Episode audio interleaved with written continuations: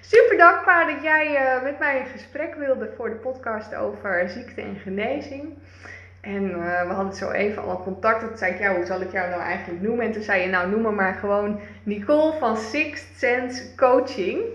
En uh, ik vind het echt een hele mooie naam. Ik weet nog dat ik jou uh, twee jaar geleden ontmoet heb, een keer tijdens een Soul Coach sessie op het strand, waarin ik, ik zat daar net even aan terug te denken, want ik herinner me nog zo goed het moment dat, dat jij toen na een oefening echt zei van, maar dit, dit is wat ik wil gaan doen. Dit is wat ik wil gaan doen. En dat had toen te maken met uit mijn hoofd uh, het helpen van pubers of mensen die sensitief zijn. Ik weet het niet meer exact.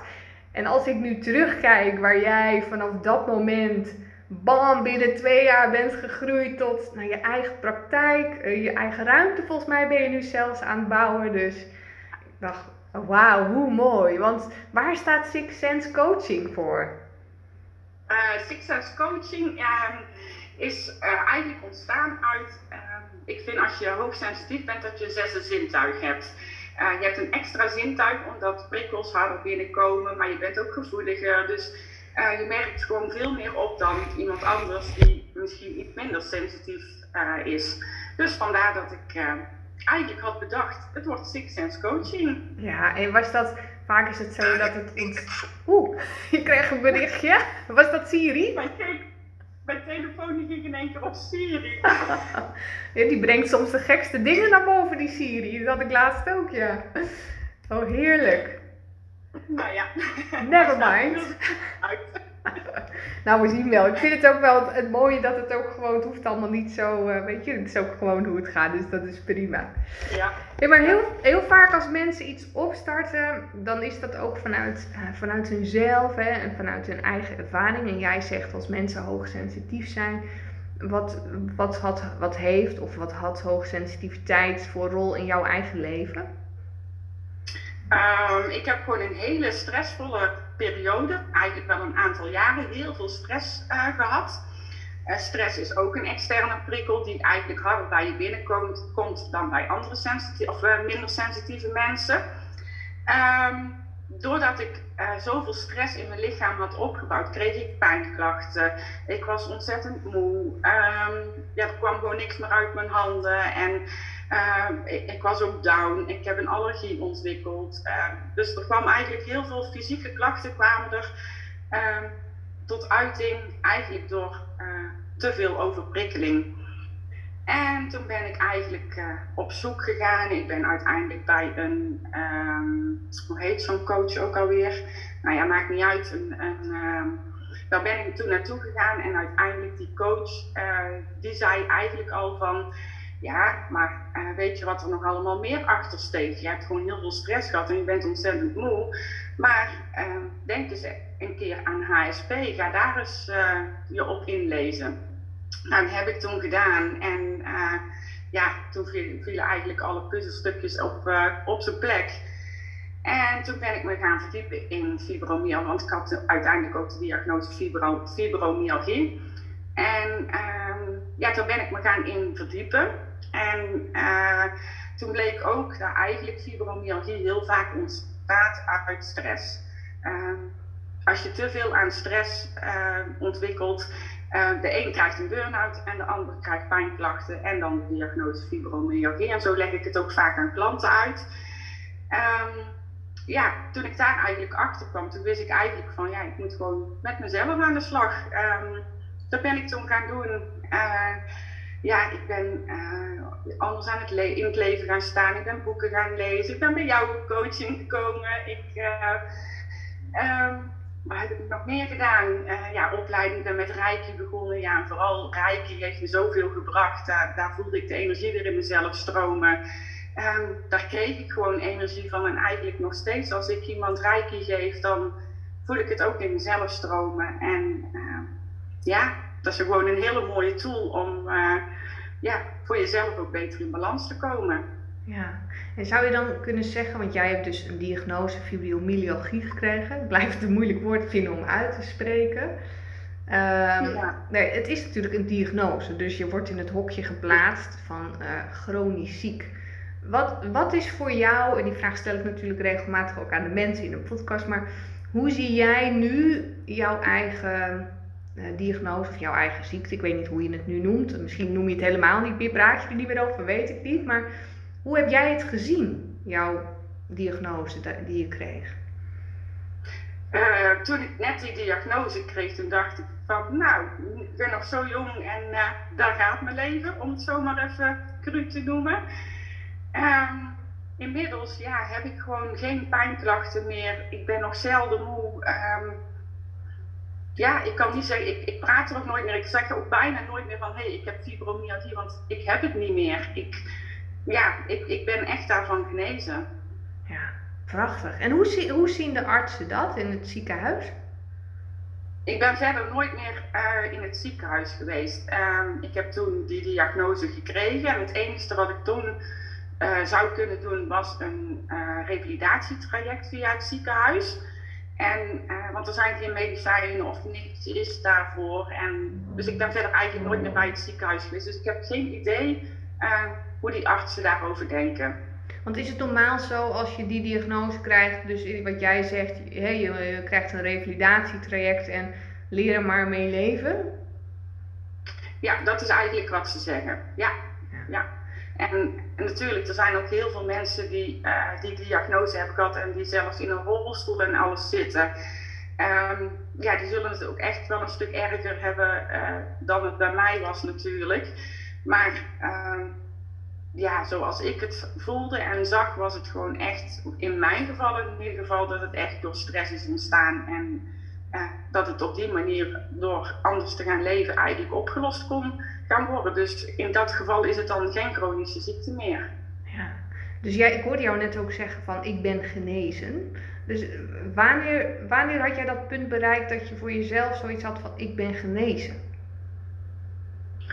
Um, ja, toen ik eigenlijk voelde dat ik gewoon uh, zoveel meer energie had. En uh, dat ik opmerkte van dat ik s'morgens gewoon opstond en dat ik eigenlijk meteen alweer energie had en ook geen pijnklachten. En voorheen stond ik echt s'morgens al op met pijnklachten en moest ik echt een paar uur uh, ja, even echt wakker worden en ja, ventileren en gewoon echt uh, ervoor gaan zitten. En uiteindelijk na een paar uur dan was ik er weer. Uh, ja, daar heb ik nu niet. Ik sta op en uh, ik doe mijn ding. Wat super fijn. Ja, zeker. Ja, daar ben ik ook echt heel blij mee. Ja, en ik hoorde jou net al een aantal dingen noemen. Dat je zei van, hè, ik ben echt aan mezelf gaan werken. Je hebt je voeding aangepast, je bent rijkje gaan doen, je bent coaching gaan doen, je bent boeken gaan lezen. Um, heb je een idee voor jezelf van wat nou hetgene is wat bij jou heeft voor gezorgd van dit maakte dat ik nu genezen ben van fibromyalgie? Of is het een totaalpakket? Dus wat is dat voor jou geweest? Uh, vooral Reiki, maar ik denk ook wel het totaalpakket. Um, ik ben gaan ontzuren.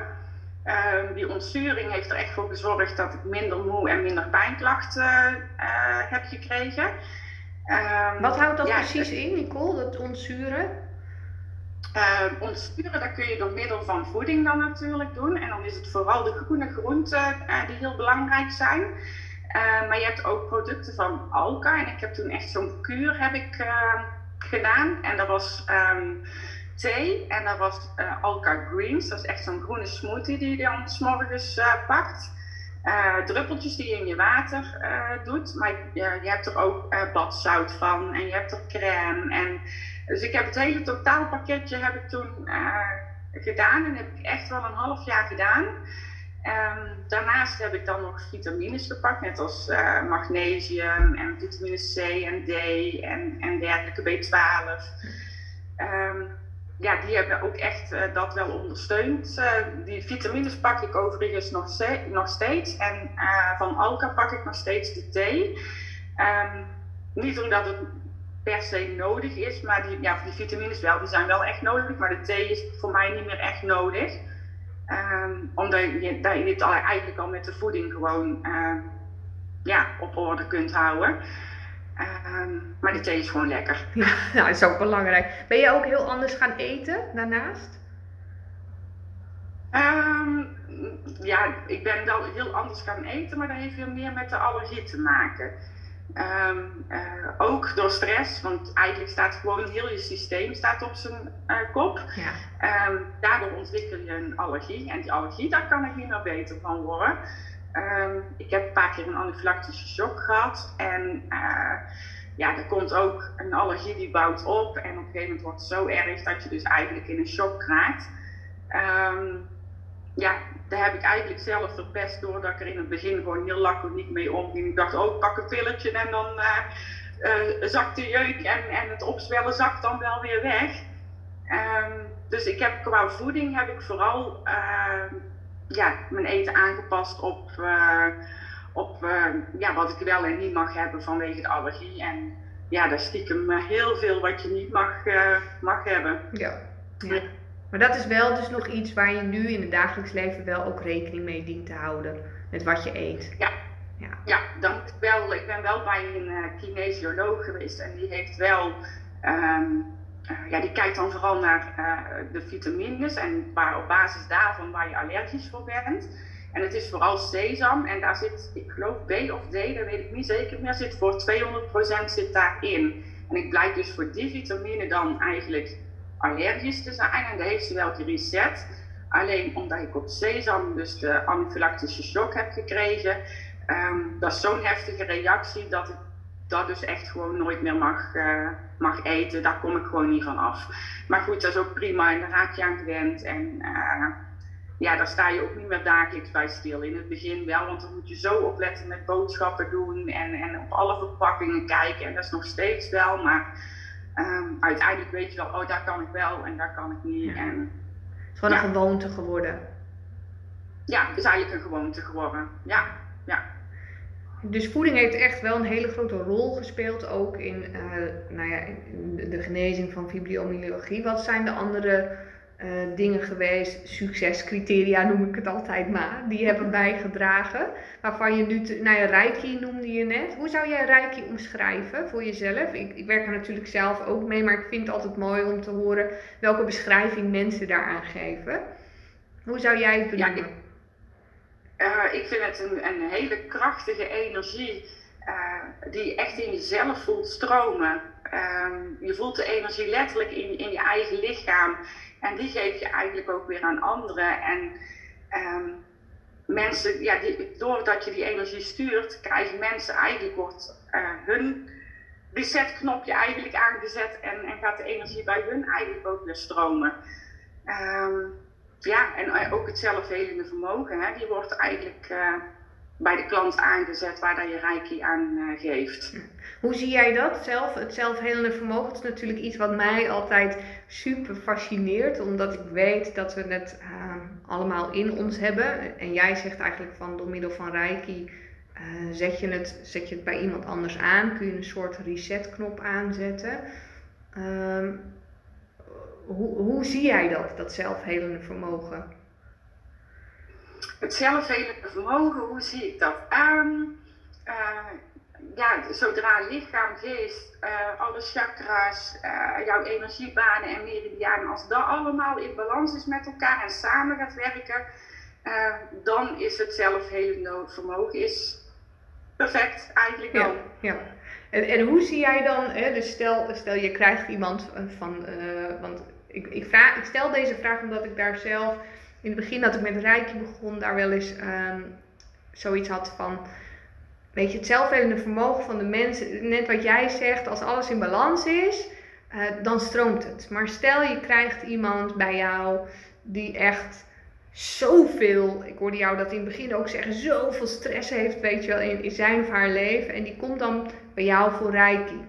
En dan kun je wel iets doen, um, maar ik geloof er niet in dat het dan direct genezen is, zeg maar. Dat is mijn, daar geloof ik in. Maar hoe zie jij dat?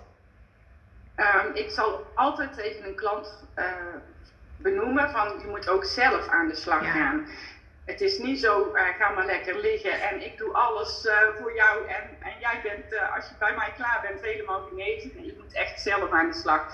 En zeker als jij zoveel stress hebt, ja, dan zal alleen mijn healing natuurlijk niet voldoende zijn. Dan moet er ook echt wel meer gebeuren als een stukje coaching. Ga je inlezen in boeken. Ehm, ga eventueel een bepaald traject met, met iets aan. Of ja, er zijn zoveel dingen die je kunt gaan doen om, om stress. En het ligt er ook wel een beetje aan waar het natuurlijk vandaan komt. Maar ehm, nee, dan moet er echt wel meer gebeuren dan alleen maar ehm, wat ik doe, zeg maar. En dat is een totaalpakketje. En uh, dat totaalpakketje moet je als, uh, als je zoveel stress hebt, moet je ook gewoon aandelen en durven gaan. Ja. Ja, dat, heb, dat heb jij zelf ook gedaan door al die facetten echt aan te pakken. Dus voeding, coaching, energiewerkboeken, het hele riedeltje. Als jij nu kijkt naar, um, jij zei in het begin van ik heb heel, heel veel stress gehad.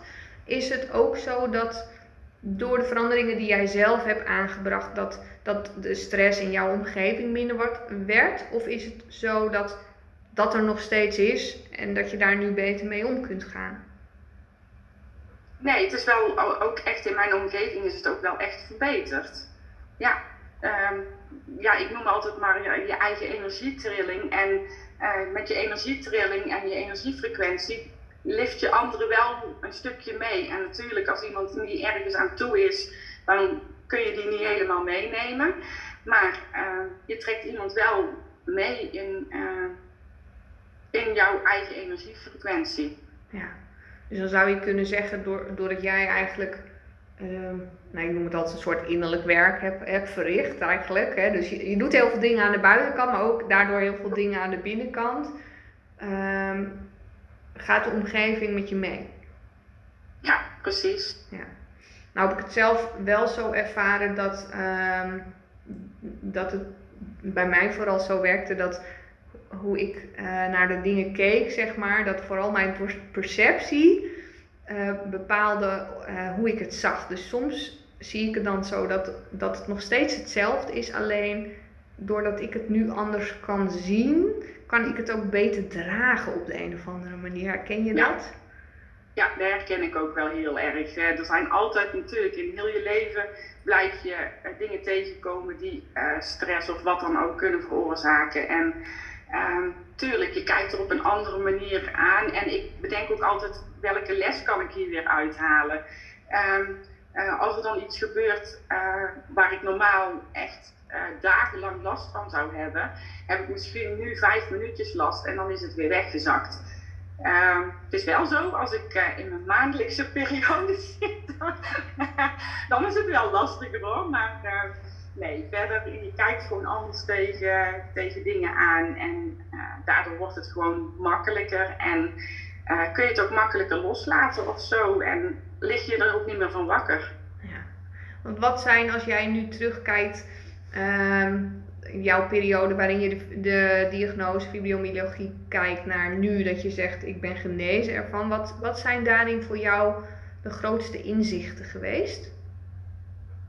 de grootste inzichten dat ik me niet zoveel druk hoef te maken over dingen buiten mijzelf.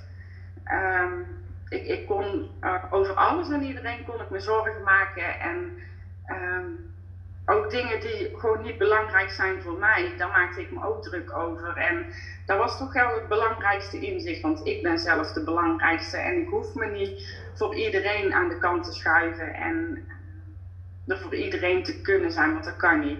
Nee. En dat was iets wat jij wel deed, of niet? Ja. Ja, ja. ja dat is ook wel. Ja. ja. En, en nu zeg je van, nou, dat was voor mij de groot, het grootste inzicht, dat ik dat dus niet deed. Dus je, je bent er nu vanaf, dus dan ga ik ervan uit dat je dat inderdaad, dat je jezelf op één bent gaan zetten. Hoe reageerde jouw omgeving daarop? Um, mijn gezin op zich wel goed, alleen mijn kinderen zeggen nog wel eens, uh, ja, ik zijn puber natuurlijk, dus uh, die zeggen nog, ja mam, uh, hoezo? had ik bijvoorbeeld, ik noem maar heel simpel, nieuwe schoenen, ja ik wil ook nieuwe schoenen.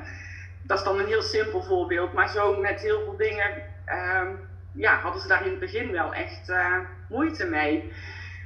Um, inmiddels niet meer, want nou weten ze gewoon van, dat is voor mama belangrijk, dus helemaal prima zo.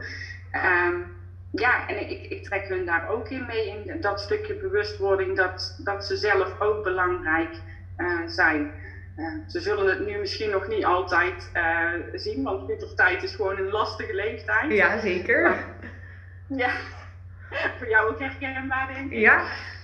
Ja, ja. Dus um, ja, ze moeten er ook wel eens ooit mee lachen met hoe ik in het leven sta. Hoor. Want uh, ja, zoals je weet ben ik ook Reiki Master uh, een paar maanden terug uh, geworden. En eh, als ik mijn dochter bel, mijn middelste dochter, ehm, dan komt er te staan Mama Master Hexbelt. Oh echt? Dat is je bijnaam? ja. Dus ja, en dat vind ik eigenlijk het grootste compliment wat er is natuurlijk. Ja. Ja, dat heb ik als bijnaam uh, gegeven. En uh, ja, ze zeggen het ook heel vaak uh, van, ja, er komt ons man weer aan met de hocus pocus.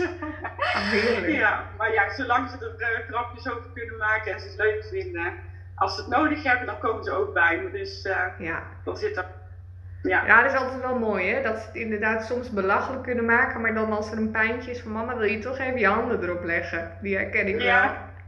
Ja, ja precies. Hey Nicole, ik had nog een vraagje. Jij zei in het begin, zei je, uh, noemde je HSP, dus dat je je daar heel erg uh, in herkende. Volgens mij werk jij ook heel veel met mensen die uh, HSP, ik weet niet hoe je dat zegt, zijn of in ieder geval zich herkennen daarin. Je bent het in. Ja, je bent het, hooggevoelig. Ik herken mezelf daar ook in. Zie jij, um, een, zie jij een linkje tussen uh, want dat is wel eens wat, ik, wat, wat mij soms opvalt. Uh, dat mensen die hooggevoelig zijn, dat die dus ook hè, veel dingen aantrekken, uh, veel prikkels binnenkrijgen, gevoeliger misschien wel zijn voor stress, dat die ook sneller, um, nee, ik wil niet zeggen een chronische ziekte ontwikkelen, maar wel sneller last krijgen van klachten, omdat er zoveel dat zenuwstelsel binnenkomt? Ja, dat denk ik wel. Uh, maar ik uh, ja, ik heb natuurlijk heel veel uh, klanten die inderdaad uh, hoogsensitief zijn. Um, ja, eigenlijk komt bijna bij iedereen wel weer hetzelfde terug. toch die overprikkeling, energie van andere mensen die ze overgenomen hebben en die moet ik weer weghalen. Die, die ruimt dan ook echt op. Um, en um, je merkt gewoon als die, die vervuilde energie, noem ik het altijd maar, als die opgeruimd is, dat het dan eigenlijk weer makkelijker wordt. Dan, dan hebben ze weer meer ruimte in zichzelf of zo. En uh, ja, dan, dan merk je dat alles gewoon makkelijker gaat. Dus minder pijnklachten, minder vermoeid en dergelijke. Um, ja, ik hoor bijna bij iedereen wel dat ze bepaalde klachten hebben door ja, het stukje hoogsensitiviteit.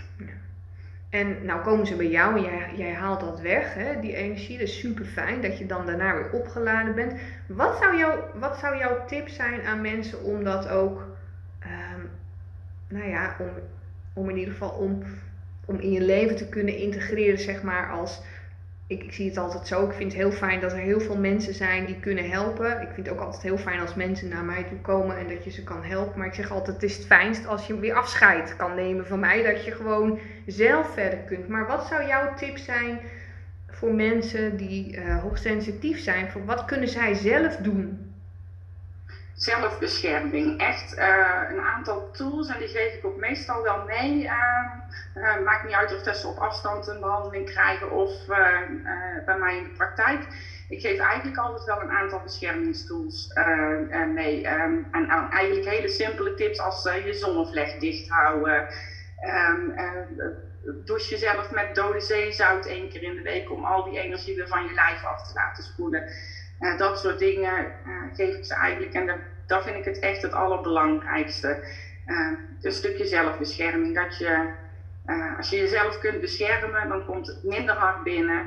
En kun je veel langer, om het dan zomaar te noemen, in balans te blijven. Ja.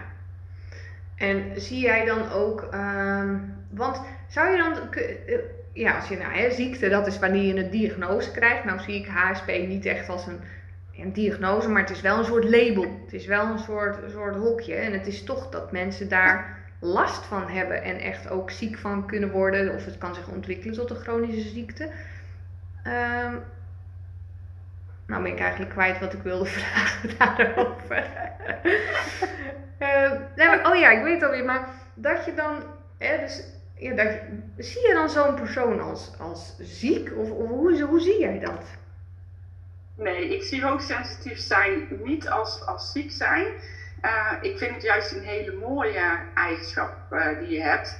Uh, zeker op het moment dat je in balans bent. Zodra jouw hoogsensitiviteit je echt nog als last gaat zien, dan is het echt een, een, een last die je met je meedraagt. zodra je het niet meer als last ziet en het eigenlijk de mooie dingen eruit pakt, ja, dan is het gewoon eigenlijk juist een hele mooie eigenschap. Waardoor dat je gewoon echt letterlijk van zoveel meer dingen kunt genieten. En uh, ja, ik vind het juist gewoon een, eh, een hele mooie eigenschap. En natuurlijk moet je uh, zorgen op je eigen, letten op je eigen energie en, en in balans blijven en dat je jezelf beschermt. Maar zodra je weet hoe je eigen gebruiksaanwijzing eruit ziet, um, dan kun je daar zoveel mooie dingen uithalen. Ja. En hoe kom je erachter wat je eigen gebruiksaanwijzing is? Uh, schrijven. Ja, is dat. Uh... Ja, ja, heel veel schrijven. Hou een dagboek bij en, en schrijf op wanneer dat je uh, uit balans raakte en waarom dat je toen uit balans raakte. Uh, ja, schrijven, dat geeft zoveel inzicht in jezelf en hou daar gewoon een paar weken bij. En echt letterlijk, al, al ga je simpel tv kijken of iets, uh, krijg je daar energie van of word je er moe van? Ja, dat, dat geeft gewoon heel veel, ja, heel veel inzicht in jezelf. En zodra je dan die inzichten in jezelf hebt en je weet waarvan je overprikkeld wordt of waarvan je juist energie krijgt of wanneer, waar je rust van krijgt, uh, dan kun je ook gaan plannen van, oh dat geeft me heel veel energie. Uh, daarna moet ik misschien rust inbouwen of als ik ergens stress van krijg of ik word er onrustig van. Ja, er zijn altijd dingen die moeten en waar je toch ook onrustig of stress van krijgt. Maar zorg dan daarna weer dat je iets gaat doen waar je rust van krijgt.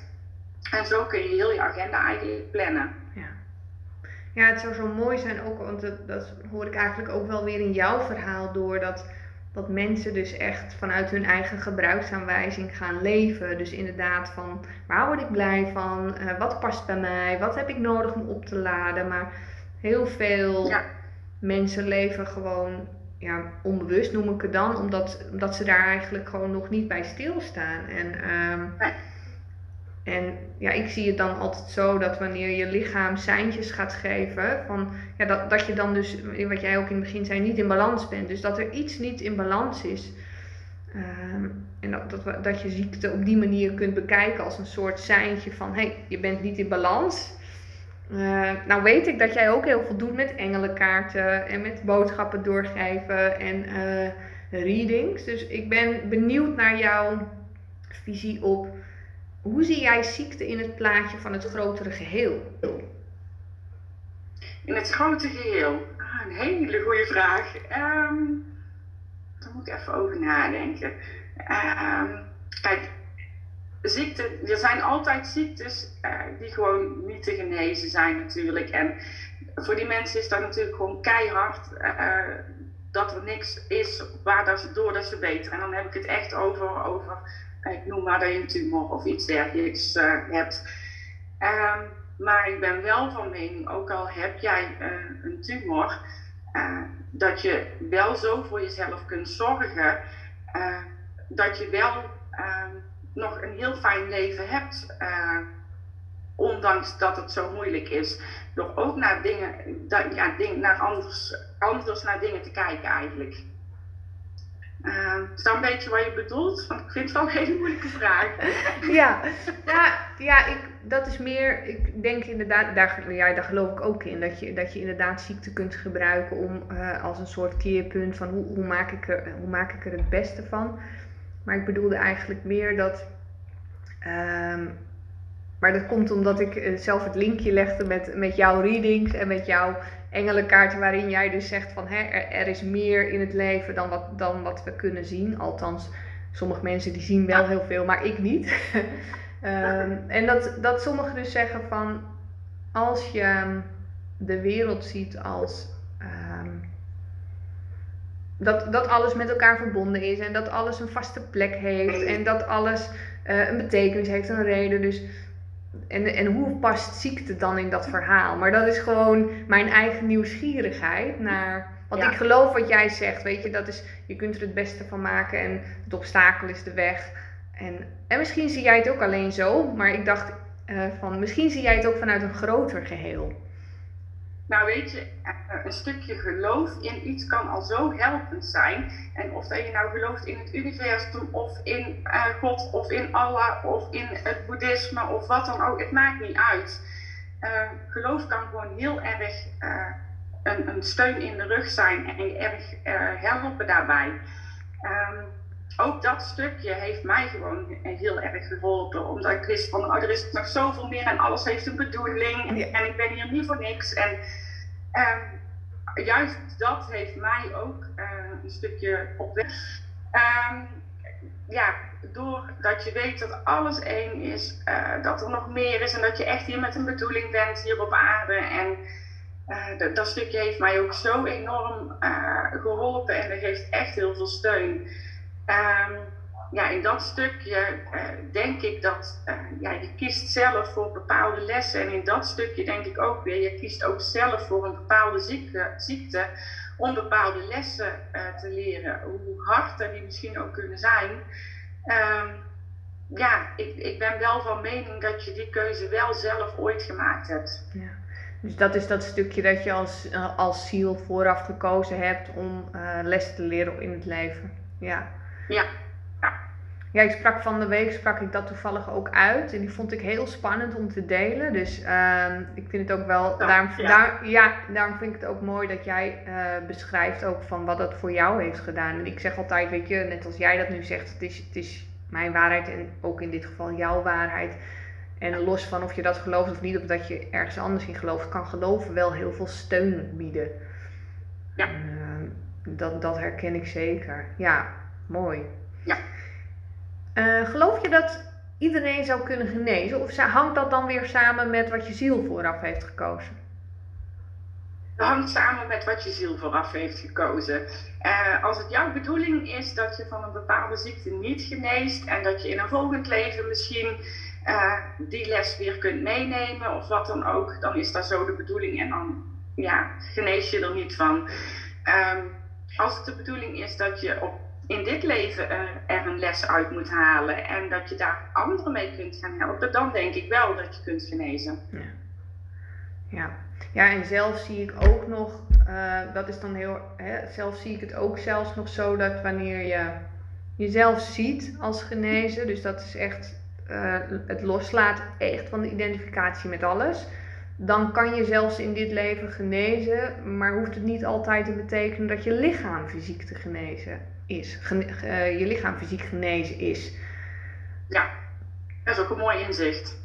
Ja, dat, dat vind ik zelf mooi. En ergens wat jij eh, benoemt, dan. ehm, ik heb daar wel eens discussies over met mensen die dan eh, zeggen van ja, maar hoe weet je dat nou? Ja, dat weet je niet. Dat is, dat is inderdaad een geloof, een gevoel, eh, hoe je het ook wilt noemen. Ehm, en ergens vind ik het dan altijd wel heel fijn om dat, om dat ook bij mezelf eh, te houden. Zeker ook omdat ik nu heel, best wel veel mensen gesproken heb die dan hè, waarvan iemand overleden is of die dan eh, een ziekte krijgen en daar niet eh, ja, echt een helse lijdensweg heeft. En wie, wie ben ik dan om te zeggen van ja, je ziel heeft daarvoor gekozen Dus als iemand helemaal niet op die manier denkt, weet je wel? Nee, nee, nee, ik zal dat ook niet naar iedereen zo altijd benoemen. Ik voel meestal wel aan van, oh, diegene, daar kan ik daar wel tegen zeggen. En iemand anders, nee, die is nog niet zo ver. Eh, nee, dan hou ik mijn mond maar even dicht. Ja, ja dat zit, daar zit heel veel verschil in natuurlijk en heel veel, heel veel verschillende meningen. Dus dat is ook, dat is ook prima zoals het is. Ja. Ja, ja mooi. Wat is er dan veel? Hè? Wat, is er, wat, is het, wat is voor jou het mooiste, Nico, als je kijkt naar het werk dat jij bent gaan doen? Wat, wat zijn voor jou de. Misschien heb je dat niet, maar wat zijn, zijn een paar van die dingen waarvan je dacht: ja, dat, dat was zo mooi uit mijn werk. Als het gaat om heling, eh, reiki, eh, healings. Ja, dat je gewoon eh, mensen echt weer terug in balans kunt brengen. Dat mensen zo blij zijn dat ze de energie weer voelen en dat ze weer vrolijk de deur uitgaan. Het maakt niet uit of dat dan op afstand is of eh, bij mij in de praktijk, maar dat ze in ieder geval naar de hand zo eh, de energie weer voelen stromen en dat ze daar gewoon ook weer gewoon echt jaren mee vooruit kunnen. Ja, Ja. Dat vind ik echt het mooiste ervan. En wat is jouw grote droom met je eigen bedrijf?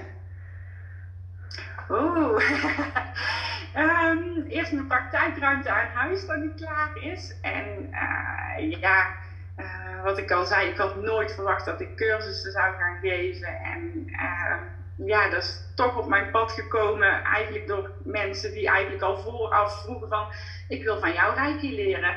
Dat ik dacht, oké, dat zal dan toch wel de bedoeling zijn. En uh, ik vind het nou zo leuk. Dus uh, op dit moment is mijn droom dat ik gewoon uh, leuke groepjes kan creëren met, met cursussen geven. En dan vooral in Reiki. Maar ehm, ik denk ook nog wel dat ik access bars als cursus wil gaan geven. Ja, dus als ja. iemand een trainer zoekt voor access bars of voor Reiki, dan ben jij straks in je eigen ruimte aan huis, kunnen ze, kunnen ze bij jou terecht. Ja, precies. Ja, ja, mooi. Nou, super bedankt voor jouw tijd en voor, jou, voor jouw woorden en voor jouw visie. En uh, mensen kunnen jou vinden. Volgens mij op Instagram ben je heel actief onder Six Sense Coach. Nee, even kijken. Ja, Six Sense Coaching, hè, is het? Sixsensecoaching.nl Sixsensecoaching.nl Nou, ik zal het ook onder uh, de podcastaflevering zetten. En ja. ik wens je heel veel succes in, in de toekomst met al het mooie werk dat je doet. Dankjewel en dan wens ik jou natuurlijk ook. En super bedankt dat je mij hebt willen interviewen. Ook al vond ik het heel spannend, maar volgens mij is het best goed gegaan. Ja, dus, uh, ik zeg altijd, als je er geen oordeel uh, over hebt, dan is het altijd gewoon een moment geweest. En uh, dan is dat wat het is. En ik, ik, moet wel zeggen, ik kijk, bekijk ook steeds meer podcasts op die manier. En weet je, ja, de ene keer is het zo, de andere keer is het zo. Maar wanneer je geen verwachting hebt, dat los kunt ja. laten en dit is jouw verhaal en ik heb mijn verhaal. En iemand anders heeft zijn of haar verhaal. Dat maakt het ook, dat maakt het ook juist zo afwisselend. En iemand haakt toch aan op waar die aan wil haken. Ja, precies. Klopt. Ben ik het helemaal mee eens. Dus super bedankt. En uh, ik wens jou natuurlijk ook alle geluk en uh, mooie ervaringen. Mooie podcast nog. En, uh, Daar gaan we voor. Goed komen bij jou. doei doei.